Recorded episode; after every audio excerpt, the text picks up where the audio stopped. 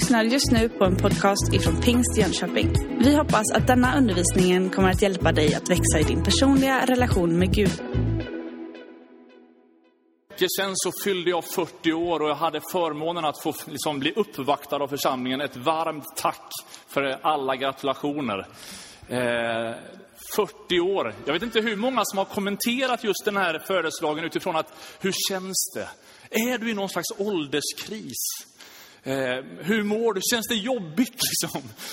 Eh, jag har tänkt på det här, ja, borde det vara så? Eller, bo, nej, alltså kris kan ju betyda både fara och möjlighet.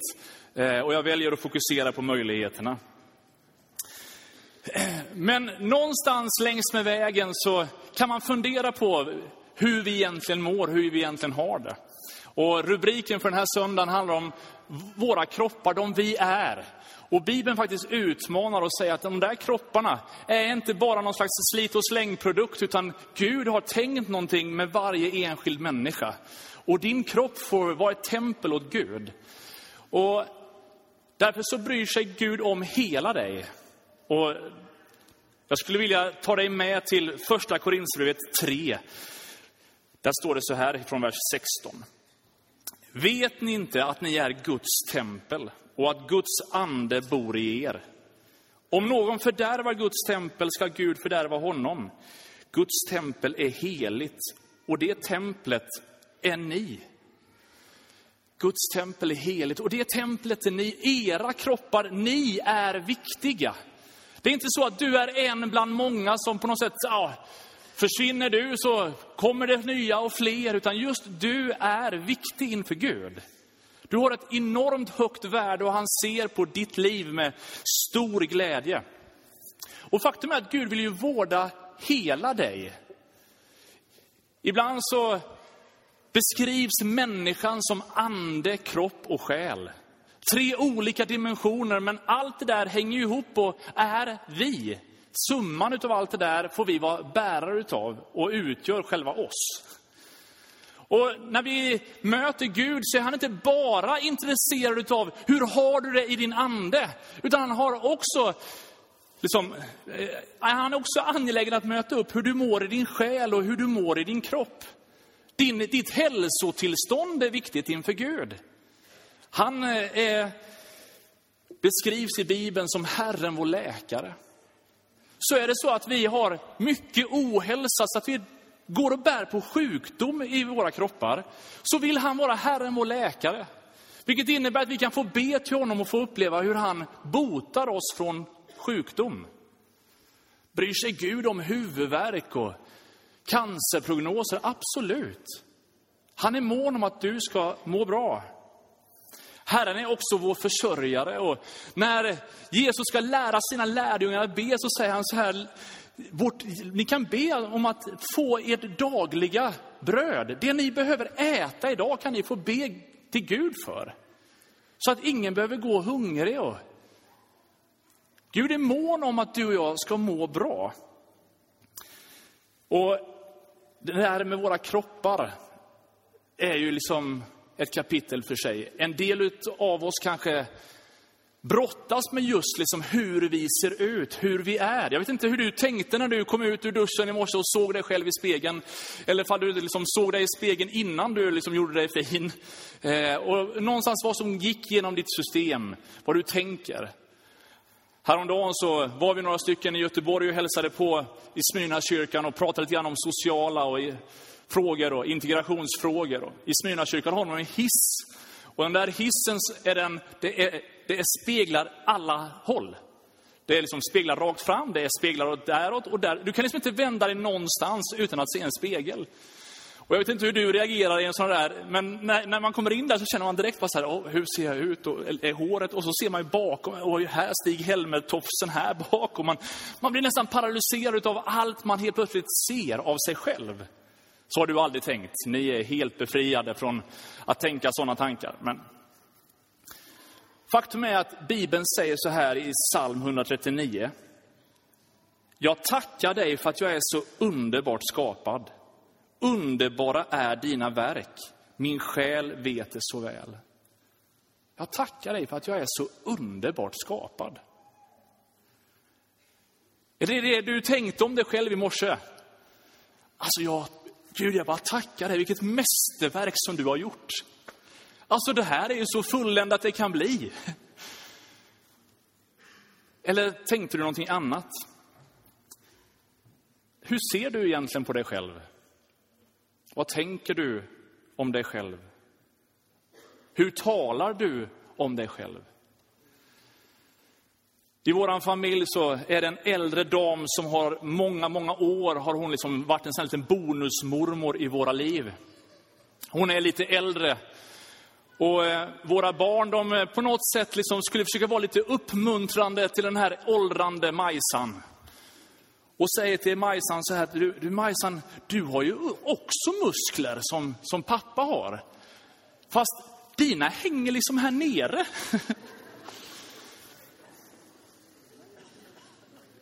Ja, det var en uppmuntran i alla fall. Du hade ju också muskler, Majsan. Det är bara att dina hänger där nere. När jag växte upp som tonåring så blev alla mina kamrater bara starkare och starkare och större och större. Deras muskler växte mycket och jag förblev den här gummitarsan. Och när vi hade såna här bänkpressövningar i gymmet så när det var min tur så stannade alla andra upp från vad de gjorde och så kom de och bara var liksom supporterklack. Men det var inte så mycket supporteruppmuntrande ord som de gav mig. Utan det var ganska mycket tuffa gliringar från en sån här, sån här påfrestande grabbig miljö. Det här hände när jag var 15 år gammal. Nu är jag nästan 40. För ett år sedan var jag på gymmet ungefär. Och då återerövrade jag för första gången den där bänkpressgrejen. Jag ska inte säga hur mycket vikter det var, för du skulle bli generad över hur mycket det var. Men vet, jag har gått så många gånger förbi den där, att liksom bara, det ser lite roligt ut, det ser lite macho ut, det ser lite coolt ut. Men jag har aldrig liksom vågat närma mig den igen.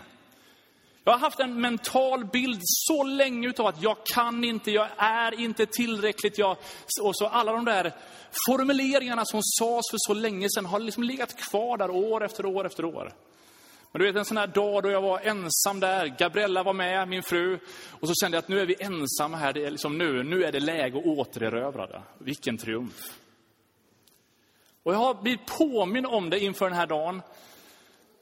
Att när vi ibland talar om våra kroppar så är det så lätt hänt att det är bara en konstig röst som hörs och det är att du inte duger. Allting runt omkring dig matas du med att du är inte tillräckligt fin, du borde operera dig. Du är inte tillräckligt liksom muskulös, du borde träna bättre. Eller, du, är liksom, du, är, du är inte god nog på något sätt. Men Gud, han har inte skapat någonting som är skräp. Han har inte misslyckats med en enda utav oss. Utan var och en utav oss som sitter här inne har Gud skapat precis så som han vill. Och om inte du med trygghet kan läsa från Saltaren om att jag tackar dig för att jag är så underbart skapad. Så behöver Gud möta med dig idag. Så att du kan se på det han har skapat med rätt ögon.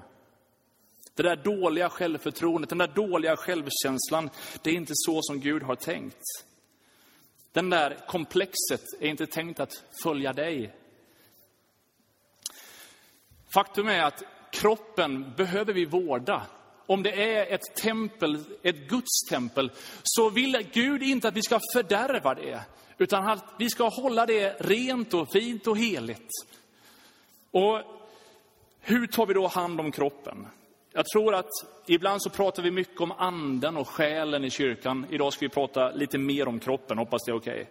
För du och jag har skapats med massor med behov i våra kroppar. Och psykologerna de använder olika, både hierarkier och trappor och alla möjliga olika förklaringar av modeller utav att beskriva våra behov. Och man har någon slags steg utav att om inte de här sakerna är till rätta i ditt, i ditt liv så kommer du aldrig liksom kliva vidare till nästa. Om inte kroppens behov är tillrättalagda så kommer du inte liksom kunna ta till dig de här andra sakerna. Och välbefinnandet kommer när alla de här behoven är i harmoni och när du har liksom ordning och reda på de här sakerna. Och vem vill inte ha trygghet? Vem vill inte ha kärlek och uppskattning och bekräftelse och uppmuntran? Och att någonstans få leva i det där gudagivna syftet. Vi skulle kunna läsa om hur Guds syn är på barnen. Och så märker vi att varje enskild människa har just ett, liksom ett, ett enskilt syfte över sitt liv. Han har skapat dig med unika färdigheter och talanger. Men du kommer inte kunna göra någonting med det om inte de här basala kroppsbehoven är tillrättalagda från början. Kroppens behov som består av att dricka, du måste släcka din törst, du måste fylla på med näring, du måste sova rätt och du måste faktiskt hantera din sexualitet rätt. Grundläggande behov för kroppen. Innan vi tar oss an de där så skulle jag vilja ut, bara liksom lägga som en grund att någonstans behöver vi kunna hantera balansen och inte gå från det ena diket till det andra. Det är så lätt att gå vilse nämligen. Och Romarbrevet säger så här. Nej, iklä er Herren Jesus Kristus och ha inte sådan omsorg om kroppen att begären väcks till liv. En, ett dike kan ju vara här att jag struntar i min kropp, jag liksom, allting är bara haveri, jag, liksom, jag vårdar den inte alls. Eller så pendlar jag över och så blir kroppen en avgud, där allting handlar om min kropp. Och någonstans har vi de här motpolerna mot varann. Och i vårt samhälle idag så pratar vi oerhört mycket om kroppar, träna, äta, göra. Och någonstans behöver vi hitta balansen för att får vi ett felaktigt fokus är det risk att det som i grunden är gott blir någonting som inte är så gott.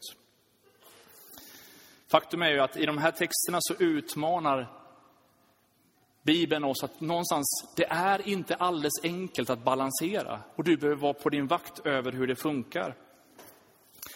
Om inte vi vårdar våra kroppar så är risken stor att vi ibland blandar ihop vad som är vad.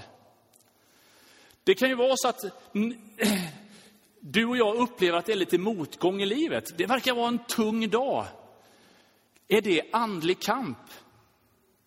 Eller är det, du har inte ätit någonting på hela dagen, kanske därför som du är lite trött. Jag förringar inte den andliga kampen, den är på riktigt, den är verklig och den är någonting som påverkar både vårt sinne och vår kropp ibland. Men en del ska vi liksom inte lägga på det kontot för enkelt. Jag vet inte, du ska inte kartlägga din frukost här och nu. Men du kan ju fundera på vad du brukar äta. Hur näringsriktig kost äter du? Bibeln är full av exempel hur Gud förser med mat. När Israels folk vandrade ut ur Egypten så står det att han tog hand om dem och gav dem både vatten att dricka och mat att äta. Och Nehemja citerar det och säger så här. Din gode ande gav du för att undervisa dem. Ditt manna nekade du inte deras mun och vatten gav du dem när de törstade. Vi behöver syre, vi behöver vatten, vi behöver släcka vår törst och vi behöver äta. Och vi behöver hålla ordning och reda på vad vi äter. Vi hade en incident här i våras där några av våra medlemmar var på en resa och blev försenade från Ryssland. Och I telefonsamtalen vi hade där så sa vi att men det är viktigt att ni nu äter. Och att ni, de fick lite råd på hur de skulle liksom hålla hälsan god. Och då var det att ja, men, be, ni behöver dricka och ni behöver få i er lite salt. Och det är liksom bättre, får ni lite socker så är det bättre än ingenting alls. Eh, och de eh, berättar när de kom hem att de har följt de där råden hundraprocentigt. De drack Coca-Cola och de eh, åt chips. och det höll dem vid god vigör under hela vistelsen. Det var ju bättre med lite socker, inget alls, och salt fick de. Och, ja, de, de klarade alla råden. Faktum är att när kroppen inte får det som den behöver utav näring, så bryts den ju faktiskt ner. Och därför så ägnar Gud ganska mycket instruktioner utav att liksom se till att ät och må bra. Han vill att vi ska ta vara på det. Samtidigt så är Bibeln också eh, full av exempel utav när maten går lite grann överstyr. När vi äter och dricker på ett sätt som blir skadligt för oss. Berusa er inte med vin, för någonstans så går det över till lastbarhet och du tappar lite omdöme. Det finns flera exempel på råd och instruktioner som att här, håll dig sund när du äter och dricker. Näringsriktig kost. God motion. Vi behöver hålla igång kroppen. Paulus säger i första Timoteusbrevet att fysisk träning är nyttig på sitt sätt, men gudsfruktan är nyttig på alla sätt, för den har löfte om liv, både för den här tiden och den kommande. Om god motion. Jag fick en klocka av min fru när jag fyllde år. Och det är en sån här motionsklocka som någonstans ska liksom hålla ordning på hur snabbt jag springer eller eh, gör lite andra kroppsliga aktiviteter. Och det intressanta med den här klockan är att den vibrerar ibland. Och så står det med liksom stora bokstäver, rör dig. Utropstecken, rör på dig. Då har man liksom suttit still för mycket. Och alla de som kan det här mycket bättre än jag har ju liksom skrivit spaltmeter utav att kroppens rörelse är viktig. Om att man, man blir faktiskt både friskare och piggare, starkare när man rör på sig. Våra kroppar är byggda för det. Och jag tänker på Bibeln utmanar oss med att leva uthålligt, att kämpa, att livet inte alltid är enkelt.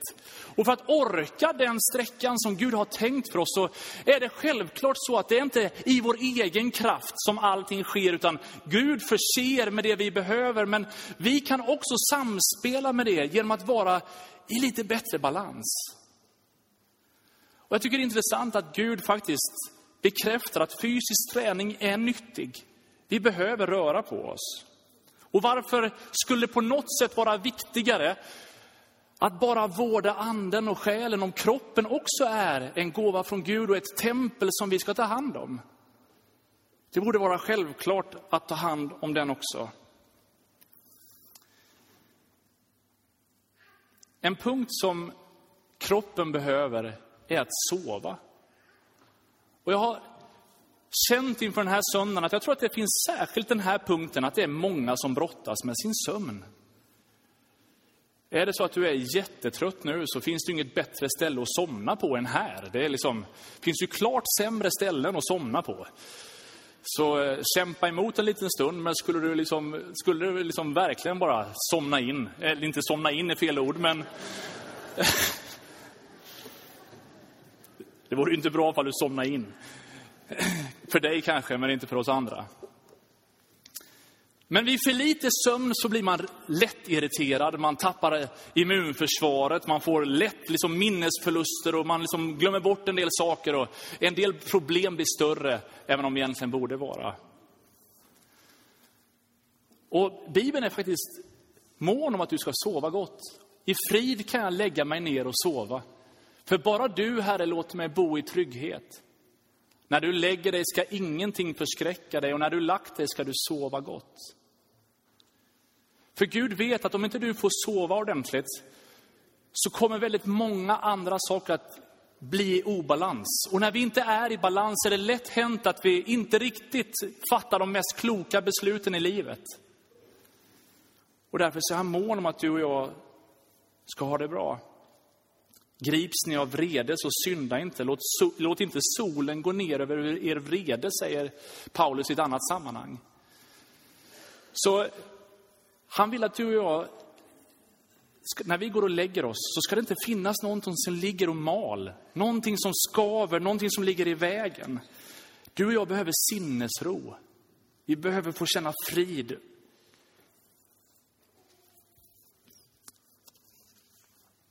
att sova gott. Den sista delen av kroppens grundläggande behov beskrivs i sexualitet. Och är det någonting som vårt samhälle är fyllt utav så är det massor med idéer om hur det här ska gå till. Höga visan sjunger ut så här. Ty kärleken är stark som döden, dess svartsjuka obetvinglig som dödsrikets. Dess glöd är som eldsglöd, en Herrens låga. De största vatten kan ej släcka kärleken, strömmar kan ej dränka den. Om någon vill ge alla rikedomar i sitt hus för kärleken skulle han ändå bli försmådd. Det är en otroligt vacker gåva. Gud har gett människan och skapat och format i människan. Och den där driften, det där behovet av att vara liksom en sexuell varelse är en gudagåva som ska hållas rent och vackert. Den där lågan behöver vårdas. Gud har satt upp lite olika ramar för att se till så att den där lågan förblir brinnande. Men det är en otroligt stor skillnad på en låga som brinner intensivt i en eldstad och en låga som har tagit fyr i alla gardiner och innertaken i huset. Det finns vissa ordningar som inte är för att liksom ta bort den, men för att vårda den så att den blir bra. Paulus säger i Korinthierbrevet att om man inte kan leva avhållsamt ska man gifta sig, för det är bättre att gifta sig än att brinna och begär. Vårda kärleken, vårda sexualiteten. Men att någonstans också förstå att för att hålla balansen på det här området så behöver man följa de ordningar och ramar som Gud har tänkt för det. För att annars så tar det lätt överhanden och så har en del andra saker kommit i, i rörelse som gör att man inte längre står där balanserat. Ja, vi skulle kunna måla ut många olika områden kring att hålla sig fräsch i sin kropp. Att vaka över vad man äter, att röra på sig mer, att hantera lite olika pusselbitar i sitt liv, att vårda sin sexualitet som en gåva från Gud. Det viktiga är att förstå att min kropp behöver jag ta hand om. Ett, I första Korinthierbrevet 6 och 19 så står det, vet ni inte att er kropp är ett tempel för den helige Ande? som bor i er och som ni har fått av Gud. Din bild av dig själv, det du och jag gör med det vi har fått. Gud vill ta sin plats i oss och vara tillsammans med oss. Och han vill inte bara att du och jag ska hålla liksom en, en fräsch kropp för att det ska vara liksom fräscht i största allmänhet, utan han vill samspela med dig och mig genom livet. Och om du och jag kan få leva ett hälsosamt liv med hur vi har det, så kan han ju använda oss liksom på lång tid. Och vi kan hålla i det långa loppet. Men också, det kanske det viktigaste, det är att han vill ju uppfylla och bo i oss. Därför så behöver vi vårda vad vi gör och vad vi lägger vår tid och energi på, för han vill uppfylla oss. Paulus säger i Efesierbrevet 5 att vi ska uppfyllas utav anden. Om nu våra kroppar är ett tempel, så är frågan vad vi fyller det där templet med. Vad formar dina tankar? Vad lägger vi vår tid och energi och kraft på? Gud vill uppfylla med sin närvaro, med sin härlighet. Och han vill använda dig och mig för det som ligger framför. Att vara en god förvaltare av de liv vi har fått. Ta ansvar för det. Att göra vad man kan för att liksom hitta den här balansen tror jag är viktigt. Och jag är så tacksam för att Gud i sin himmel, när han tittar på oss så är han mån om att skapa bra förutsättningar för att våra liv ska må bra, för att vi ska leva dem fullt ut. Att han vill att vi ska både njuta och känna tillfredsställelse och glädje och energi. Och därför så ger han pusselbitar för pusselbitar in i alla livets områden. Han vill ge vägledning och han vill hjälpa oss till att liksom fatta kloka beslut. Kanske är det så att du har stått inför spegeln allt för länge och känt att den spegelbild du ser är inte vacker. Du har fått så mörka tankar om vad du ser och liksom med förakt tänkt om dig själv. Jag skulle bara vilja be att den här söndagen så fick Gud göra ett verk i dig, att du fick börja se på dig själv med lite nya ögon, med Guds ögon. Att du fick inse hur vackert skapad du är. Sluta jämföra dig med alla andra och låt liksom Guds spegelbild, låt Guds ögon få prägla vad du tänker.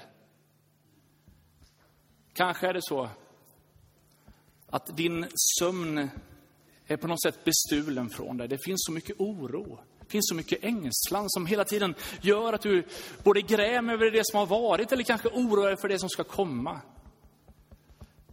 Vad skönt det är att Gud har omsorg om oss. Han är mån om att du och jag ska må bra. Så du som har svåra liksom, sömnproblem, idag ska du få uppleva hur Guds frid får komma.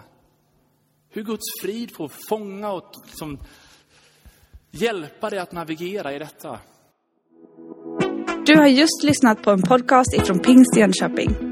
För att få reda på mer om vilka vi är och vad som händer i vår kyrka så kan du gå in på pingstjonkoping.se eller följ oss på sociala medier via pingstikpg.